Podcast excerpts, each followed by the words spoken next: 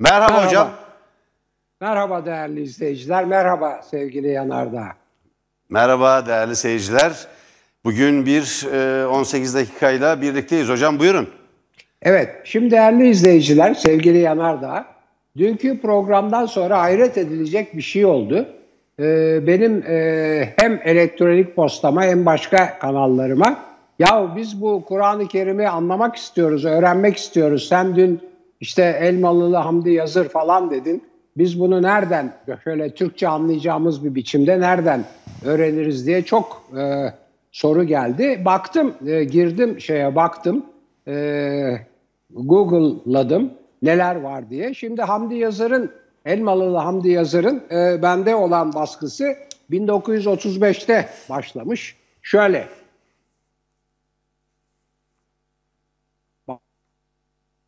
Kur'an dili, e, hak dini, Kur'an dili efendim böyle. Evet. E, yeni Türkçe mealli, tefsir. Türkçe tefsir yazan dersi evet yazan Dersiyam'dan Elmalılı Hamdi Yazır diyor.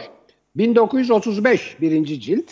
Sonra e, en son bendeki 9. cilde baktım. 8 cilt e, Kur'an-ı Kerim'in me- e, kendisi meali işte Hamdi Yazar'ın yorumları filan. iki ciltte Fihrist. Bizde e, bir, bir cilt son cilti Fihrist'in eksik anlaşılan 9 cilti var benim. O 1938 e, demek ki 3 yıl sürmüş bunun baskısı.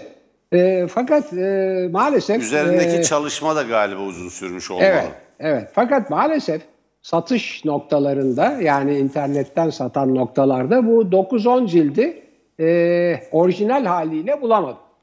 Yani bulduğum başka bir şey var. Oradan kuşkulandım. Onun için bu, bu konuyla açtım. Bulduğum 10 ciltlik gene Hamdi Yazır, Elmalılı Hamdi Yazır Kur'an tefsiri aynı isimle fakat sadeleştirilmiş diyor. Şimdi sadeleştirilmiş deyince ve Kur'an-ı Kerim üzerinde özellikle Arapça vesaire yani Arapçadan Arapçanın anlamı Kur'an diline o bazı terimler çünkü Arapçada kullanım dilinin de dışında Kur'an dili bir başka bir dil Ee, hem dönemi itibariyle hem Allah'ın kelamı olması itibariyle orada çok e, tartışmalı konular var.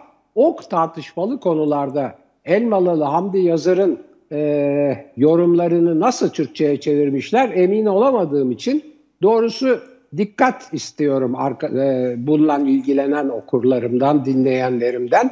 Diyorum ki Elmalılı Hamdi Yazır adıyla piyasada olan bu 10 ciltlik e, Kur'an-ı Kerim tefsirini basitleştirilmişlerse çok dikkat etmeliler. Yani gerçekten acaba orijinaliyle birebir mi basitleştirilmiş veya anlatılmış falan diye. Bilmiyorum, incelemem lazım. İncelemediğim için bilemiyorum. Buna karşılık başka bir şey gördüm. Gene Elmalılı Hamdi Yazır adıyla tek cilde indirgenmiş bir meal var. Ona da ona da hiç güvenemedim. Nasıl oluyor o iş onu da anlamadım. Bakmak lazım tabii. Onun için onlara eğer çok anlaşılır Türkçeyle ve güvenilir bir yorum istiyorlarsa e, rahmetli oldu. Benim de iyi dostumdu. E, İstanbul Üniversitesi İlahiyat Fakültesi'nin kurucusu, büyük ulemadan İslam alimi Profesör Yaşar Nuri Öztürk'ün Kur- Kur'an-ı Kerim'in Meali adlı kitabını öneririm diyelim ve bu konuyu burada kapatalım ve dikkatli olmalarını tekrar öneriyorum. Şimdi esas olarak bugün üzerinde durmak istediğim konu e, hem tek kişi yönetimde yönetiminde yolsuzlukların ve örgütlü suç liderlerinin faaliyetlerinin fazla e, yer alıyor olması. Bütün tek kişi yönetimlerinde bu böyle oluyor. Yani e, bütün Avrupa'da, Asya'da, Amerika'da nerede olursa olsun tek kişi yönetimi oldu mu örgütlü suç ve e, yolsuzluklar e, arş-ı alaya varıyor. Neden öyle oluyor? Çünkü ilke yok. E, hukuk yok, hukuk devleti yok, anayasa bile yok. Var ama yok. Yani var ama uygulanmıyor filan. Her şey bir kişinin duygularına, düşüncelerine, kaşının kalkmasına, gözünü kırpmasına, o günkü kızgınlığına veya işte intikam duygularına veya merhametine filan bağlı. Öyle felaket bir olay oluyor. Devletle kişi özdeşleşince. O açıdan tabii onun altında küçük e, küçük tek kişiler üretiliyor. Onlar belli işlerin başındalar. İşte herkes belli hortumların e, musluklarıyla oynuyor. O çünkü işte tek kişi yönetimindeki oligarşik yapıya akıyor bütün hortumlar. Ve e, gelenek yok, yasası yok, şey yok. Bir tek kişinin duyguları, düşünceleri, müktesebatı neyse belki ruhsal durumu ne kadar dengeliyse aklı filan böyle söz konusu. O açıdan ona dikkat edip son bir önemli ekonomik e, sıkıntıyla e, sözlerime son vereceğim. Anlaşılan bu e, kura e, endeksli mevduat e, pek e, işe yaramadı. İki tane olay var. Bir tanesinden söz etmiştim daha önce. E, şirketlere belli muafiyetler, vergi muafiyetleri getiriyorlar. E, kura endeksli mevduat açsınlar diye. O da yetmemiş herhalde. E, başarı olmuyor. Para da yok. O kadar e, her şeyi çarçur ettiler ki. Yani muslukları öyle başka yerlere yönelttiler ki hala çok istiyorlar. Onun için bankaların e, memurlarına baskı yapmaya başlamışlar. Performans baskısı.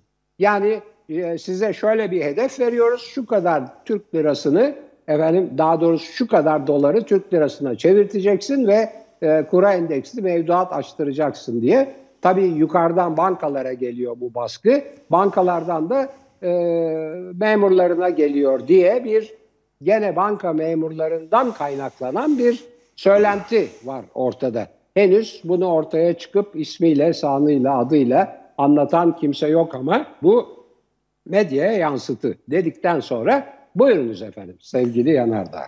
Teşekkür ederim hocam. Şimdi e, dün e, üzerinde bir parça durduk. E, Sezen Aksu'nun bir e, şarkısı Aa, ve evet, evet. bu şarkıda yer alan sözleri nedeniyle Sezen Aksu'ya karşı bir linç başlatıldı. Ben Sezen Aksu'yla mahkemelik olduğumu dün söylemiştim. Bunun hiçbir önemi yok. Bizim Sezen Aksu'ya yönelik eleştirimizin temel nedeni bugünkü cehennemin yolunu döşeyenlerden biri olmasıdır. O cehennemin ateşi şimdi onları da yakıyor. Bunu anlatmaya çalıştık. Bütün yetmez ama evetçiler gibi, bütün liberaller gibi AKP iktidarına karşı çözüm sürecinden itibaren ki o çözüm sürecini sahte ve ihanetle sonuçlanacağını söyleyerek biz itiraz ettik Doğru. ve eleştirdik. Doğru. Ee, ve 12 Eylül 2010 referandumuna kadar giden süreçte bizleri, bütün muhalefeti, bütün cumhuriyetçi ve e, sol muhalefeti, demokratik muhalefeti iki cihanda birden e, lekeliler diye e, suçlamış ve bu nedenle de Recep Tayyip Erdoğan'ın telefon açarak kendisine teşekkür ettiği, iktidara yakın çevrelerde tutunduğu herkes tarafından öğrenilmiş ve bilinmişti. Bunu hatırlattık sadece ama bu durum Sezen Aksu'ya karşı bir şarkı sözlerinden dolayı, bir şarkının sözlerinden dolayı bir linç kampanyası başlatılmasına izin vereceğimiz anlamına gelmez. Bu son derece yanlış, faşizan ve saldırgan bir baskıdır. Bir sanatçıya bir bestesinin e, güftesi nedeniyle, bir şaire şiiri nedeniyle, bir yazara e, kitabı, romanı veya bir makalesi nedeniyle böyle bir linç girişimi başlatılmasına biz, ben kişisel olarak hocam sizin de öyle olduğunu biliyoruz, e, Tele1 ve e, bu ülkenin bütün ilericileri ve demokratları karşı koyacaktır. Bu bize karşı o hoyrat saldırganlığına rağmen bazı isimlerin, biz burada hep bu tavrı sergiledik. O bakımdan seyircilerimizin e, tamamı bizi anlay anlıyor ve biliyor. Biz ne Ahmet Altan'ın ne e, Osman Kavala'nın ne diğerlerinin ne Mehmet Altan'ın tutuklanmalarına da e, itiraz ettik. Onlar işte geçmişte bize karşı yıkıcı ve Fethullahçı çetenin bir e, operasyon aygıtı olarak bize karşı harekete geçmiş olmalarının e, aklımızda tuttuk. Bunun bir önemi olmadığını hiçbir zaman söylemedik ve fakat bugünkü iktidar tarafından vahşi bir saldırıya maruz kaldıkları zamanda her zaman onun karşısında olduk. Ee, Osman Kavala'nın yanında sergilediğimiz tavır bunun en açık kanıtıdır. Osman Kavala da bu çevrelere mensuptu ama Osman Kavala'nın çok daha tutarlı olduğunu, e, referandumda hayır dediğini hepimiz biliyoruz. E, bu bakımdan Sezen Aksu'nun bir dönem iktidarla yan yana olması sadece şunu gösterir. Bakın destek verdiğiniz e, bugünkü rejimin geldiği yer bir takım gerici, faşizan güçlerin kapınıza dayanmasıdır. İşin buraya kadar geldiğini anlatmaktır. Başka bir sebebi yok. Onun ötesinde e, milli beka denilen e, ve bir sokak milisi örgütlenmesi olduğu ileri sürülen bir yapılanmanın bir ucuyla bir bakana bağlı olduğu iddia edilen bir yapılanmanın evine kadar giderek evinin önünde tehdit etmesi biz buraya kimseyi tehdit etmek için gelmedik diye de sözüm ona bir açıklama yaparak bunu yapması ümmet ve millet burada ayağa kalkacaktır. Ümmet ve millet sahipsiz değildir gibi. Ümmetçi bir anlayışla. Ümmetle millet yan yana olmaz bir kere. Yani e, süzme bir cehalet var ortada. Bu ayrı bir şey. E, buradan bir milliyetçi faşizan bir dille bir sanatçının tehdit edilmesi hiçbir zaman hiçbir zaman e, bu ülkede geçit verilecek bir davranış değildir. Buna karşı sonuna kadar mücadele edilmelidir. O bakımdan bir kez daha belirtelim. Ee, geçmişteki kusurları, bize karşı işlediği suç, bize karşı işlediği e, iktidarla birlikte e, saldırgan tutumun, yaptığı saldırgan tutumun e, unutulacağı yok. Onu unutmayacağız, onu bir tarafa koyduk, onu hatırlayacağız her zaman. Onu her yerde tartışacağız dediğim gibi. Ben kendisiyle zaten bu nedenle mahkemeliyim. Ama bu saldırıya da biz hayır diyeceğiz. Bu saldırıya karşı ve bu saldırganlara karşı, bu tecrit girişimine karşı açıkça mücadele edeceğiz. Bugün Devlet Bahçeli grup toplantısında Sezen Aksu'ya serçeysen serçeliğini bil gibi son derece yakışıksız bir biçimdeki minik serçe diye bilinir Sezen Aksu. Bir şarkısından dolayı e, minyon tiplidir o dönemde genç bir sanatçıdır. Şarkısından dolayı minik serçe denmiş ve öyle kalmıştır. E, tıpkı şey e, bir Fransız şarkıcısı gibi e, adını şimdi söyleyeceğim ünlü bir Fransız şarkıcısı gibi e, kendisine bir serçe ismi takılmıştır. E, onu hatırlatarak yani serçeysen serçeliğini bil e, yoksa biz sizi ezeriz mi, biz seni ezeriz mi demek istedi. Yoksa avlarız mı demek istedi. Yoksa haddini bil mi demek istedi bilemiyorum ama Türkiye kendi sanatçılarını koruyacaktır. Bu bakımdan e, Sezen Aksu müsterih olabilir. Biz de onun yanındayız. Bu saldırının karşısındayız. Bunu özellikle belirtmek istedim hocam. Buyurun. Evet. Şimdi tabii size yakışan e, şey bu. E, tavır bu. E, kutluyorum. E, doğru tavırdır.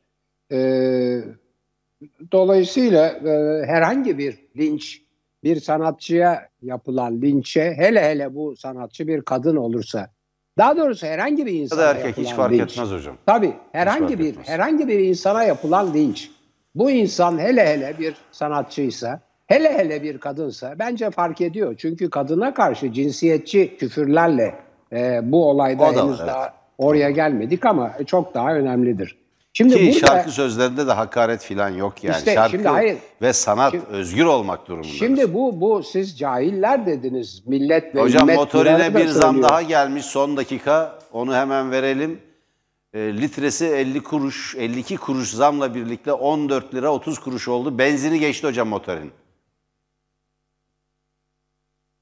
Buyurun. Evet, e, ben yani e, haber haberler yorumların önünden gidiyor. Evet. Ben şimdi e, tekrar ekonomiye dönüp motorine zam bekleniyor diyecektim ki diğerden zam gelmiş. dün söylediniz e, hocam, benzer bir şey söylediniz dün. Evet, dün söyledim de bu iktidar yani bize konuşma fırsatı, yorum yapma fırsatı bile e, bırakmadan balyozunu indiriyor. evet. evet, müthiş bir şey. Biz zaten burada ne dediysek yani kimse kusura bakmasın bu maalesef böyle bir şey. Tele1'in yorumcularını, habercilerini, sevgili Evren Özel, Kuşu ki çok iyi yorumlayarak haber veriyor. Begüm Han'ı, tabii ki Zeynel'i, sabahları Murat'ı, e, Alev'i yani bütün o yorumcu ve haberci çünkü artık e, bizim ekranda, Tele1 ekranında ben sabahtan akşama kadar izlediğim için tek tek isimlerini sayıyorum. Tabii ki Fatih'i ondan sonra Bunların hepsi konuk alan, yorumlar yapan, haberleri e, önce objektif olarak sunup ondan sonra ya o konudaki uzmanları davet ederek yorumlarını alan ya da kendileri tepkilerini veya yorumlarını dile getiren ama yorumlarla haberleri birbirine karıştırmayan çok değerli arkadaşlar. E, Tele1'de bunlar hep olmadan önce haber veriliyor. Hele hele bizim en son 18 dakikadaki programda nelerin olacağını, nelerin hatta olmaması gerektiğini belirterek e, olasılıklar üzerinde uzun uzun duruyoruz. Yani sokağa çıkmak dahil işte tek kişi yönetiminin gittikçe otoriterliğe kayması, seçimlerin yapılıp yapılmaması, kimin aday olacağı konuları gibi hem de sıcak konularda kimse lafını esirgemiyor. Ne Yanardağ esirgiyor ne de ben.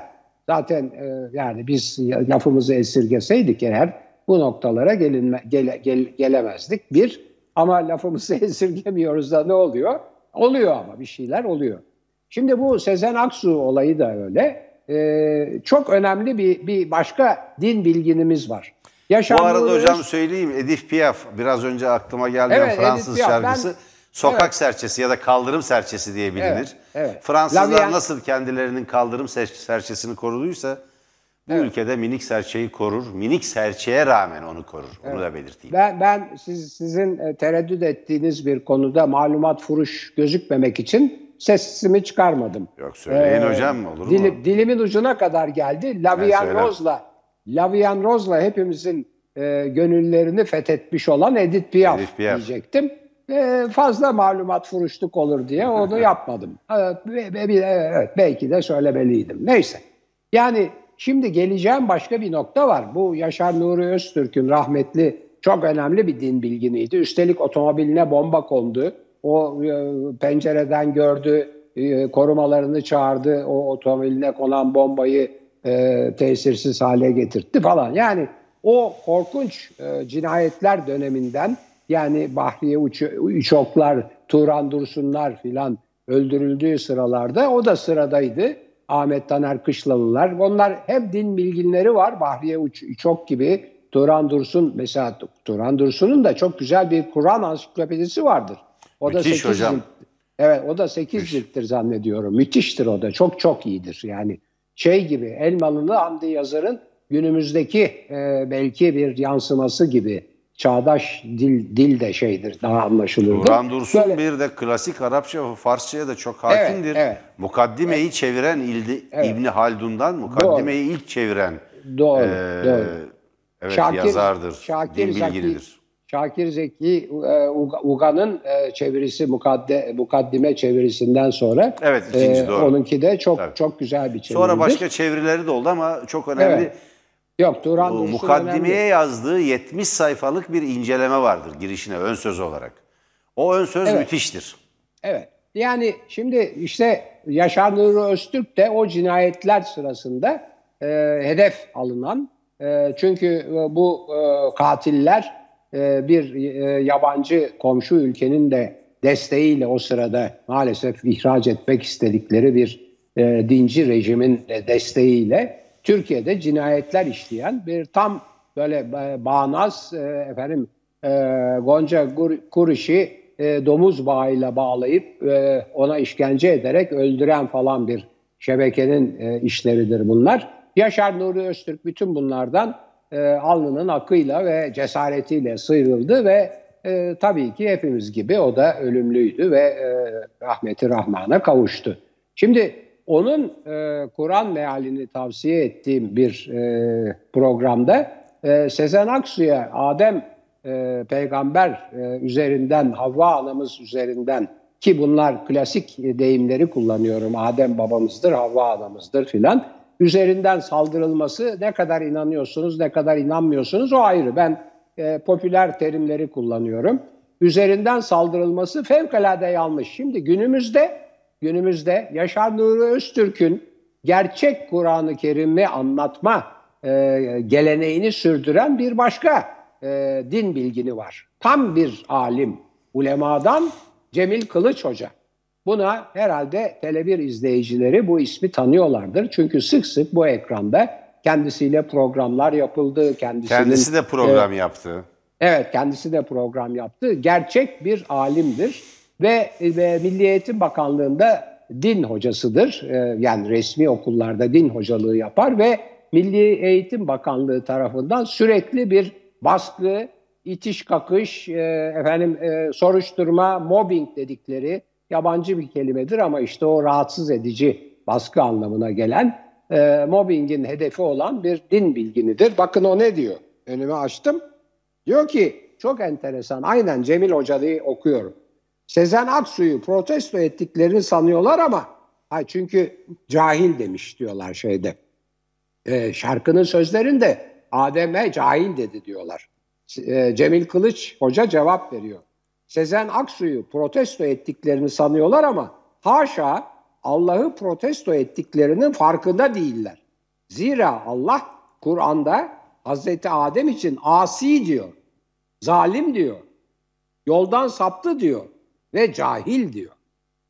Bu dinbazların Kur'an'dan haberleri yok. Hani onun için siz dediniz ki bu hem ümmet hem millet diyor. Bunlar bir arada zaten kullanılan terimler değildir. O açıdan Sokak bilgisiz... milisi olarak evet. organize olmuşlar çok belli. Evet. Dinden de haberleri yok. Evet.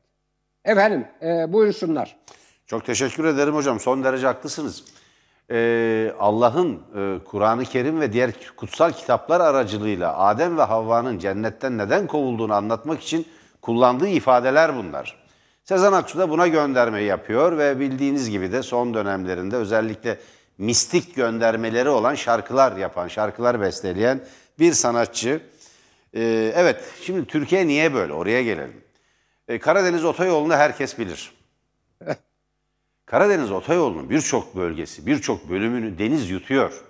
Çünkü doğanın bütün dengesi bozularak, derelerin denize ulaşması engellenerek sahilden, sahille, denizle Karadeniz e, halkının ve Karadeniz'deki kara e, doğanın, oradaki ekolojik ortamın denizle ilişkisini kesme pahasına ve bütün muhalefete, bütün eleştirilere, bütün bilimsel itirazlara karşı bir otoyol yapıldı.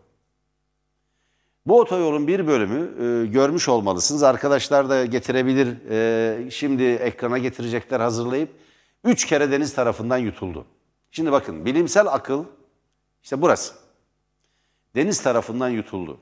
Şimdi burada e, otoyolun bir takım bölümlerinde de e, Zonguldak'taki bölümünde e, bugün yarın e, AKP Genel Başkanı ve Cumhurbaşkanı Recep Tayyip Erdoğan bir açılış yapacak. Açılış içinde Karadeniz şehri Zonguldak'taki bölge hazırlanmaya çalışıyor fakat deniz buna izin vermiyor. Hazırlık yapan işçileri neredeyse deniz alıp götürecek. Hırçındır Karadeniz. Hele kışın, hele fırtınalı ortamda bu mümkün değil. Bakın bu yol üç kere deniz tarafından yutuldu. Tekrar yapılmaya çalışılıyor. İşte inanç merkezli bilgi anlayışı budur. Ne yapmışlar biliyor musun önlemek, önlem almak için? Nazar değiyor diye kurban kesmişler. AKP iktidarının özeti budur. Bilimi bir kenara bırakmak, mühendislik bilimini bir kenara bırakmak, aklı bir kenara bırakmak, bunun yerine inançları geçirmek, çok e, kendilerinin de aşina olduğu bir kavramla söyleyelim, batıldır. Asıl batıl odur. Aydınlanma ve modernite, cumhuriyet bilim ve akıl demektir. Bilim ve akıl hiç kimsenin inancının önünde bir engel değildir. İnsanlar özel hayatlarında istediği gibi inanırlar ve ibadet ederler. Bunu garanti eder laiklik. Ama dünya ve devlet işleri akıl ve bilimle yönetilir ve yürütülür. Toplum akıl ve bilimle yönetilir. Ve örgütlenir ve düzenlenir. Eğitim akıl ve bilimle yapılabilir ancak. Yönetim, kamu yönetimi akıl ve bilimle yapılabilir. Doğayla ancak akıl ve bilimle mücadele edersiniz. Depremi efendim zina yapıyorlar işte e, Tanrı cezalandırdı diye açıklarsanız depreme dayanıklı evler yapmak yerine ancak dini yasaklar koyarsınız ve yeni bir depremde yine büyük bir katliama yol açarsınız. Bu zihniyet işte hocam bu yolda kurban kesti ya. Alınan önleme bakar mısınız? Zavallı hayvanı da feda ettiler. Kurban kestiler. Hani insan Allah kabul etsin de diyemiyor. Yani çünkü o kadar saçma sapan bir nedenle kesilmiş ki Allah o kurbanı kabul etmez. Onu söyleyeyim. Boşa kestiler yani. Boşa kıydılar hayvanı. Akıl ve bilimi reddedenlerle beraber olunamaz zaten. Buyurun hocam. Evet. E, işte bunlar haklı. Sezen Aksu'nun evinin önüne gidip gösteri yapanlar da bunlar. Yani sizin evet. biraz önce işaret ettiğiniz Cemil Hoca'nın, Cemil Kılıç Hoca'nın, Tele1 programcısı, yorumcusu Cemil Kılıç Hoca'nın işaret ettiği gibi Kur'an-ı Kerim'den de haberleri yok. Onu da doğru düzgün okumadıkları ve yorumlamadıkları çok açık. Onlar şeyhleri, Tarikat liderleri nasıl istiyorsa öyle yorumluyorlar ve öyle anlıyorlar. Çünkü. Buyurun. Evet, evet çok haklısınız tabii. Şimdi e, esas olarak tabii bu e, kurban ritüeli özellikle dini bir ritüel olarak çok yanlış kullanılıyor. Yani e, ben onlara e, bir tavsiyede bulunayım. e, yani genellikle nazara karşı yapılmışsa bu iş kurban nazarı kesmez. E, onlara acizane tavsiyem bunu bir kara mizah olarak tabii söylediğimi hemen e, değerli izleyicilerime belirteyim. Çünkü hızlı söylenen sözler bazen canlı yayınlarda e, ironi yaptığınız, mizah yaptığınız, şaka yaptığınız zaman bile ciddi zannediliyor ve oradan saldırılar geliyor ama bu şimdi söyleyeceğim söz benim bir ironi, bir şaka, bir mizahtır.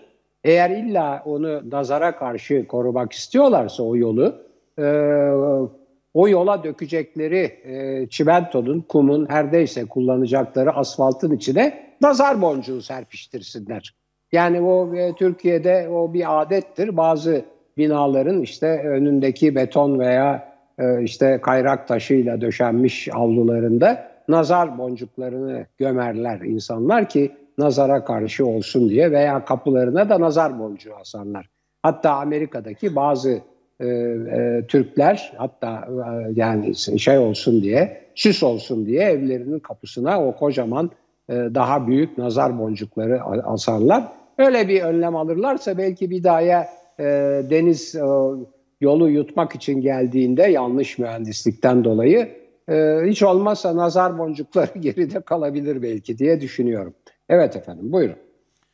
Evet şimdi Sezen Aksu'nun şarkısının sözlerine bakıyorum. Yani bambaşka bir şey hakikaten e, bir soğuk savaş dönemini hatırlatıyor bu iş hocam.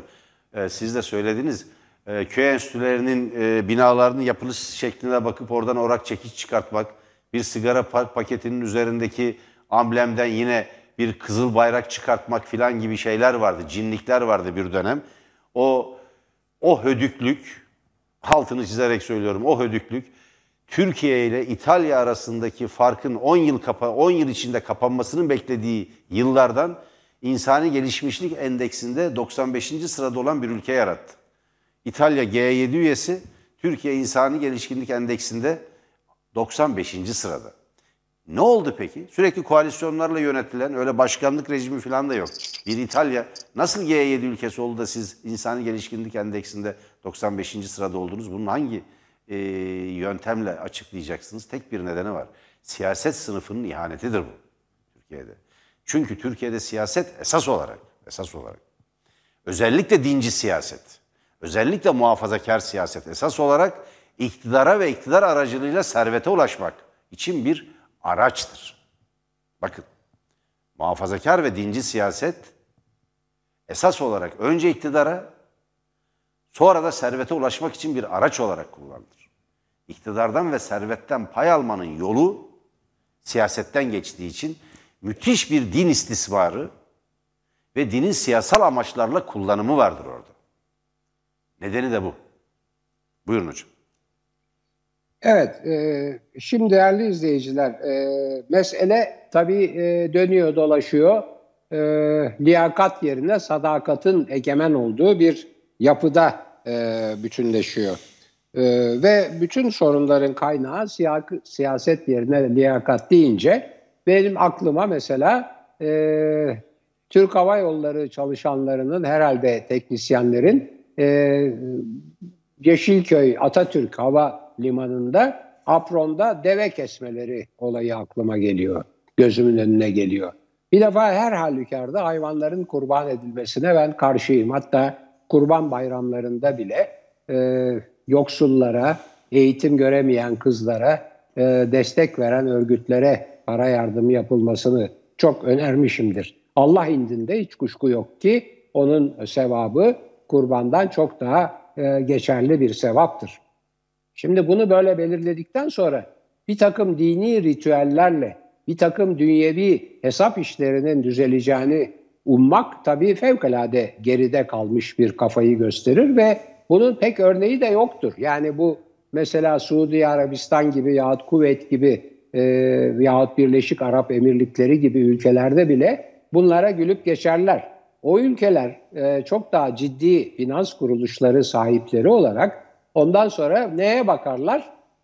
Yani kimse kusura bakmasın Birleşik Arap Emirlikleri'ne giden e, ziyaretçilerin kulaklarına, gözlerine yani e, bağıra çağıra Türkiye'deki e, bu varlık fonunun peşkeş çekilen yabancılara varlık fonunun e, satın alınmasında, oradaki varlıkların satın alınmasında fırsatlar doğduğunu gayet net ve açık bir biçimde ilan ederler. Ve sizin simültane çeviri yapan tercümanınız veya onu naklen veren e, neyse ne ajansıyla haber ajansı mı e, yoksa televizyon kanalı mı her neyse onun e, sorumlusu da oradan e, naklen yayını keser bunlar duyulmasın diye. Ama Türkiye maalesef e, hem de bu ritüelleri kullandığı ülkelerin karşısında e, işte akılcı olmayan bir biçimde onların e, bir nevi avlandıkları bir alan, bir ekonomi fırsatlar alanı, satın alınma fırsatları alanı haline geldi. Ben şimdi burada çok net hatırlıyorum. O zamanlar NTV'de program yapıyorduk. Ee, hala e, o, o unutulmadı o programdaki tavırları karşımdaki kişinin. Yani gerçeği saptıran tavırları. O sırada Yunanistan bir e, mali kriz içine girmişti. Ben ekrandan çok net ve açık olarak ey Türkiye iş adamları derhal gidin Yunanistan'da ucuza şirket kapatın. Bak satılıyorlar. E, o şirketleri satıyorlar e, açıklarını kapatmak için diye e, tavsiyede bulunurken Türkiye'deki iş adamlarına şimdi çok büyük bir üzüntüyle görüyorum ki bu iktidarın tek adam yönetiminde e, liyakat yerine sadakat ilkesi öne çıkarıldığında ve bütün e, yasalar, gelenekler, anayasa bir tarafa bırakılıp tek bir kişinin duygu ve düşüncelerine bağlı olarak yönetim gerçekleştirildiğinde Türkiye'deki e, varlıklarımız artık uluslararası piyasada fırsat olarak değerlendiriliyor. Bu çok üzücü bir şey. E, ve bu arada demin söylediğiniz işte demokrasi endeksi vesaire gibi endekslerde dün söylemiştim. Bugün tek tek tekrar, tekrar edeyim. 160 ülke arasında ekonomik özgürlükler konusunda 14 sıra birden gerileyerek 114. sıraya Fiji ile aynı seviyeye inmiş durumda Türkiye bugün. Bu çok üzücü bir nokta fakat maalesef işte bu şahsım rejimi, şahsım devleti, tek kişi yönetimi böyle bir yönetim. Onun için bundan kurtulmanın birinci adımı, tekrar ediyorum, birinci adımı bunu yapan, bunun sorumlusu olan iktidardan kurtulmak. Çünkü tek kişi rejimini kurduktan sonra bunun bir felakete ülkeyi götürdüğünü, ülkeyi bir felakete götürdüğünü algılamayıp hatta bir de böyle garip e, Amerika'daki yüzde yedi enflasyonun yüzde Türkiye'deki yüzde otuz altı enflasyondan daha şiddetli olduğunu iddia edecek, ettirecek kadar garip e, bir takım e, iddialarla ortaya çıkan bir iktidarla karşı karşıyayız. Bırakın hatalarından dönmeyi veya bu hataları telafi etmeyi, bunları aşırı bir şekilde sarılarak ve daha şiddetlendirerek devam ediyorlar. Yani zannediyorlar ki karşılarındaki 84 milyon kendileri o, o 84 milyon yaşadığı gerçekleri unutacak, kendi söylediklerine bakacak. Yani bir yandan mutfakta pişirecek yemek bulamayacak, et bulamayacak ama onların söylediği her şey çok ucuz. Türkiye en en e, işte her şeyin bulunduğu ülke. E, Almanya kırılıyor açlıktan veya hiçbir şey bulunmuyor gibi sözlere inanacak. Böyle şeyler olur mu? Mümkün mü bunlar? Tekrar ediyorum ve sözü hemen size vereceğim. Herkesi bazen, bazı insanları her zaman aldatabilirsiniz. Ama herkesi her zaman aldatamazsınız. Nokta. Ve gidiyorsunuz, gidiyorsunuz beyler. Çünkü gerçeklere aykırı, yaşanan, yaşanan gerçeklere, deneyimlenen gerçeklere, insanların somut hayatlarına aykırı sözler söylüyorsunuz ve işler yapıyorsunuz. Herkes görüyor parasının cebinden yok olduğunu. Evet efendim buyurun. Hocam bugün partilerin grup toplantıları vardı. Sevgili seyirciler siz de izlemiş olmalısınız eğer fırsatınız varsa. Gün boyu biz canlı yayınladık. İki tane önemli gelişme var. Birisi Sayın Kemal Kılıçdaroğlu'nun, Cumhuriyet Halk Partisi liderinin artık Erdoğan'ı muhatap almayacağını açıklamasıdır. Kısa bir süre önce de kendisi biliyorsunuz Cumhuriyet Halk Partisi'nin birinci parti haline geleceğini e, belirtmişti. Ve zaten birçok ankette de birinci parti olarak çıkıyor. Yani AKP artık Türkiye'nin ikinci partisi olma yolunda. E, bir direnç var belli, belli bir kitle desteklemeye devam ediyor ve fakat AKP ve MHP oyları yüzde 40'ların altında yüzde 30'lar seviyesine inmiş durumda. e, Recep Tayyip Erdoğan kim aday olursa olsun karşısında bunu açık ara kaybediyor. Karşısında açık ara kaybettiği isimlerden biri de Kemal Kılıçdaroğlu. Şimdi bazı seyircilerimiz bize ya siz kimi destekliyorsunuz diye soru soruyorlar. Hayır bizim Tele1 olarak yaptığımız şey şu. Esas olarak Türkiye'nin dinci, faşizan, totaliter bir rejime sürüklenmesine karşı bağımsız bir medya kuruluşu olarak mücadele ediyoruz.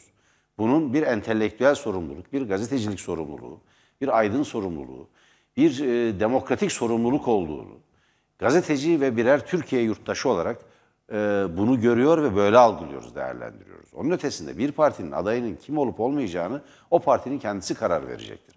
Biz ulaştığımız haberleri veyahut olguları değerlendirerek, gelişmeleri değerlendirerek bir e, çözümleme, bir analiz yaptıktan sonra ulaştığımız sonuçları sizinle paylaşıyoruz. Ben yorumlarımı paylaşıyorum, Emre Bey yorumlarını paylaşıyor veyahut ulaştığımız haberleri paylaşıyoruz.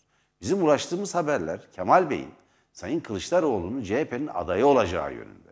Yani e, belediye başkanlarından birinin Ekrem İmamoğlu veyahut Mansur Yavaş'ın CHP adayı olmayacağı, Sayın Kılıçdaroğlu'nun bu geçiş döneminin Cumhurbaşkanı adayı olacağı e, yönündeki bilgidir. Bu biz bu bilgiyi sizinle paylaştık. Dolayısıyla bu bizim bir yorumumuzu ya da tercihimizi yansıtmıyor. Yorumumuz da bunu destekliyor. Neden destekliyor? Olay şu. E, çünkü e, Meral Akşener'in çekildiğini, kendisinin Cumhurbaşkanlığına değil Başbakanlığa aday olduğunu biliyoruz. Geriye Demokrat Parti ve e, Saadet Partisi kalıyor. Onların tavrı büyük ölçüde bunda belirleyici olacak. Çünkü Kılıçdaroğlu CHP'nin adayı olsa bile Millet İttifakı'nın adayı değil henüz. Ona Millet İttifakı karar verecek. Ama gördüğümüz kadarıyla Millet İttifakı'nın da en güçlü adayı eğer Mansur, e, Ekrem İmamoğlu ve Mansur Yavaş olmayacaksa Kılıçdaroğlu olduğu anlaşılıyor. Çünkü Meral Akşener aday değil. Dolayısıyla önümüzdeki günlerde başka bir gelişme olmazsa Kılıçdaroğlu adaydır. Bunun bilinmesinde yarar var ve zaten kendisi de her iki belediye başkanının bir dönem daha görev yapması gerektiğini belirtti. Genel başkanın bu tavrına rağmen e, Ekrem İmamoğlu'nun veyahut Mansur Yavaş'ın aday olması çok zor, mümkün değil hatta. Bu nedenle bazı yandaş medya mensupları, bunlardan e, Abdülkadir Selvi'ye özellikle işaret edelim, yandaş televizyon kanalının vazgeçilmez yorumcularından ve Hürriyet'in köşe yazarı. Sanki CHP'nin içinde bir kavga varmış havası yaratmaya çalışıyor ve şöyle bir yalan uydurmuşlar. Güya biz bağımsız televizyon kuruluşları ve gazeteler olarak bir araya gelmiş bir toplantı yapmışız. Valla ben ben öyle bir toplantıya katılmadım.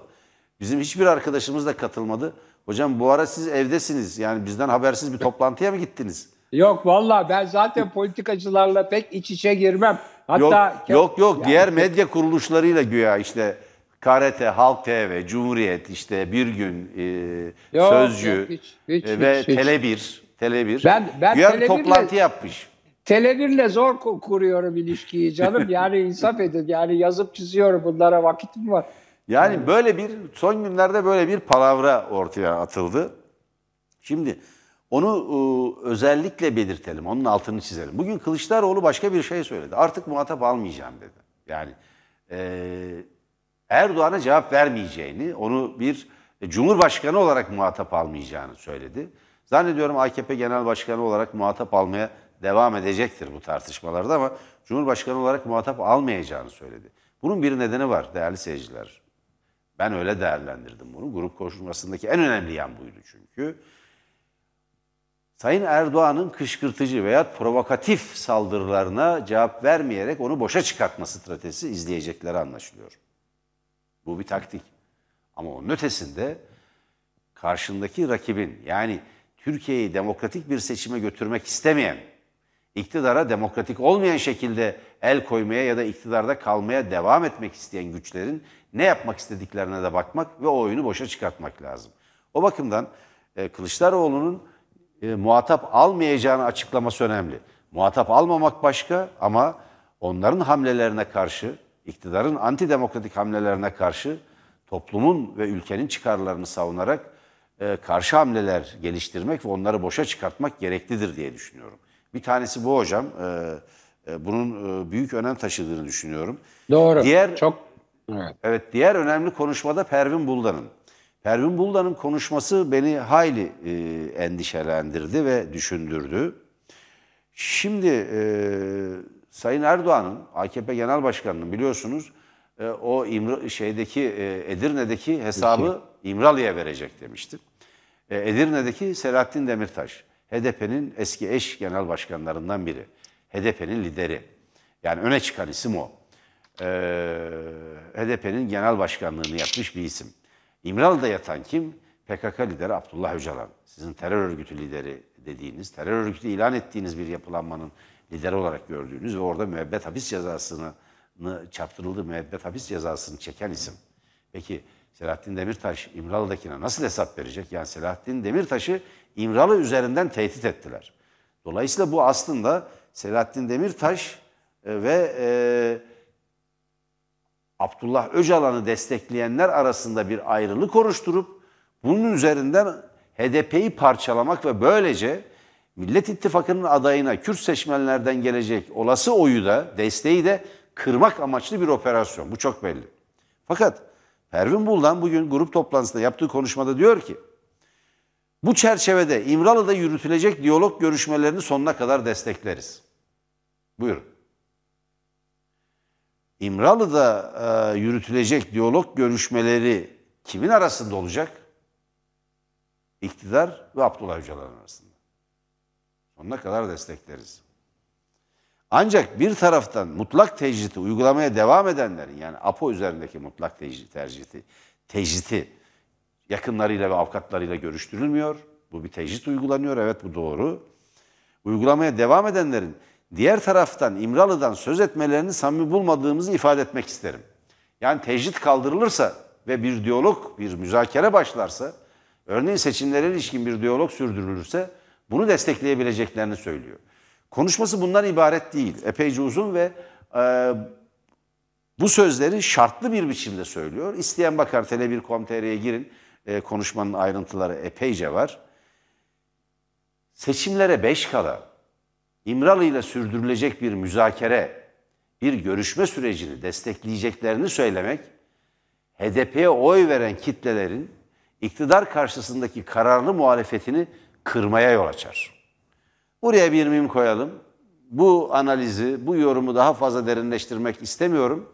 Bir yanlış yapmak e, niyetinde değilim. Bir yanlış yapmaktan korktuğum için değil.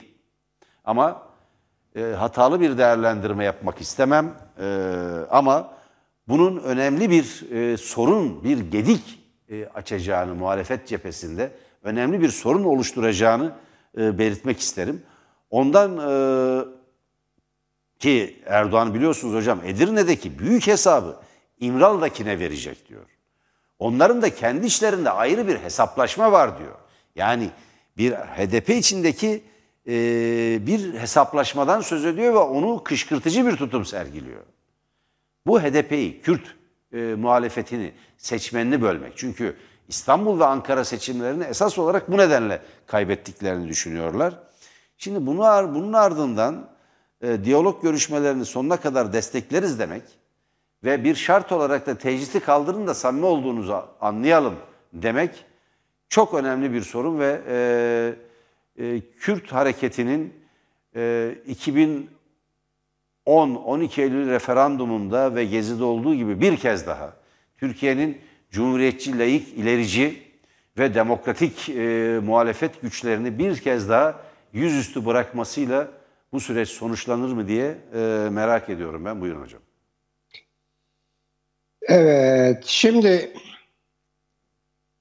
ben e, tabii bu e, bir de söylenti var çok yaygın. Deniyor ki yani e, bunlar iktidarda kalmak için, iktidar e, iktidarını devam ettirebilmek için e, Cumhur İttifakı e, iktidarını devam ettirebilmek için e, bir pazarlık içindeler Efendim Apo'yu ev hapsine çıkaralım, tecriti kaldıralım, hatta İmralı'dan da çıkaralım.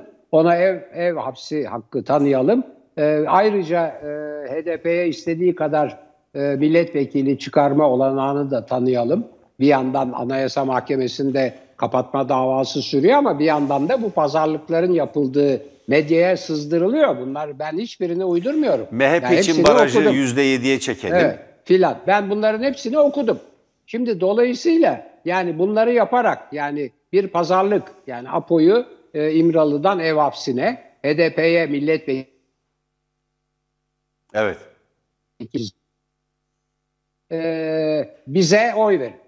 Şimdi bu söylentiler, bu dedikodular ortadayken ben e, Sayın e, eş başkanının Pervin Hanım'ın e, bu konuşmasını biraz e, biraz e, biraz e, Garip buldum. yani e, evet biraz e, çok iyi bulmadığımı belirteyim. Evet efendim buyurun. Peki hocam. Şimdi e, değerli seyirciler programın sonuna geldik. E, bugün bizden hemen sonra mercek programı var. Mercek programında Tuğbe Emley'in konukları var. E, Sadat ve Sadat yapılanmasını son olarak bir Sadat konusunda e, iyi bir çalışma yapan genç bir gazeteci arkadaşımızın da yer alacağı konukları, önemli konuklarıyla birlikte hem Sadat yapılanmasını, yurt dışı kamplarını ve örgütlerini e, masaya yatıracaklar.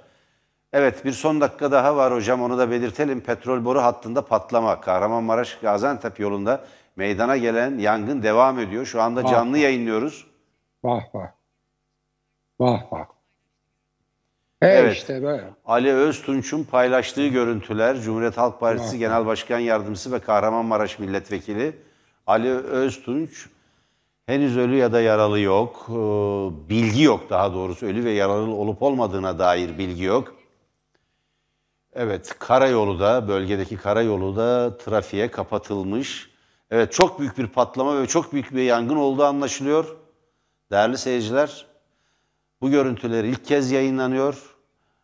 İlk Tele1'de yayınlanıyor. Ee, Ali Öztunç'a çok teşekkür ediyoruz. Bölge milletvekiline. Ee, Çok büyük bir yangın hocam gerçekten. Ee, sabotaj mı Beni çok yoksa bir... korkuttu. Korkuttu. Hayır. Beni çok korkuttu çünkü hemen e, 7 Haziran 1 Kasım 1900 şey 2015 seçimleri arasındaki dönemi anımsadım. Allah korusun. Türkiye'yi de korusun. Bunu teşvik edenleri, yapanları veya kullanmayı e, düşünenleri de Allah korusun. Ülkemizi Evet. bunlardan Allah korusun. Bir kez daha tekrarlayalım değerli seyirciler. Hemen e, ekranın altında görüyorsunuz. Kahramanmaraş Gaziantep yolunda pet- e, petrol boru hattında meydana gelen büyük bir patlama var. E, yangın devam ediyor. Müdahale edilmeye henüz daha müdahale edilmedi. Sadece karayolu bölgeden geçen karayolu trafiğe kapatılmış.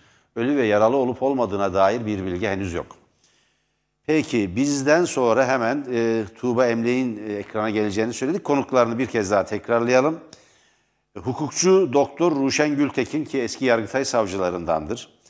E, devlet eski bakanlarından Gürcan Dağdaş, e, CHP milletvekili ve eski grup başkan vekillerinden Levent Gök, emekli General Ahmet Yavuz, tüm General Ahmet Yavuz, gazeteci yazar, Cumhuriyet Gazetesi yazarı Mehmet Ali Güller, gazeteciler Can- e, Caner Taşpınar ki e, Sadat hakkındaki kitabı yazan gazeteci arkadaşımız ve gazeteci Ersin Eroğlu. Bizden sonra merceği kaçırmayın, Tele1'den ayrılmayın değerli seyirciler. Hoşçakalın. Evet, sağlığınıza dikkat edin lütfen Ee, ve şerefinize ve haysiyetinize dikkat edin. Paranız da varsa onu da koruyun. Görüşmek üzere değerli izleyiciler.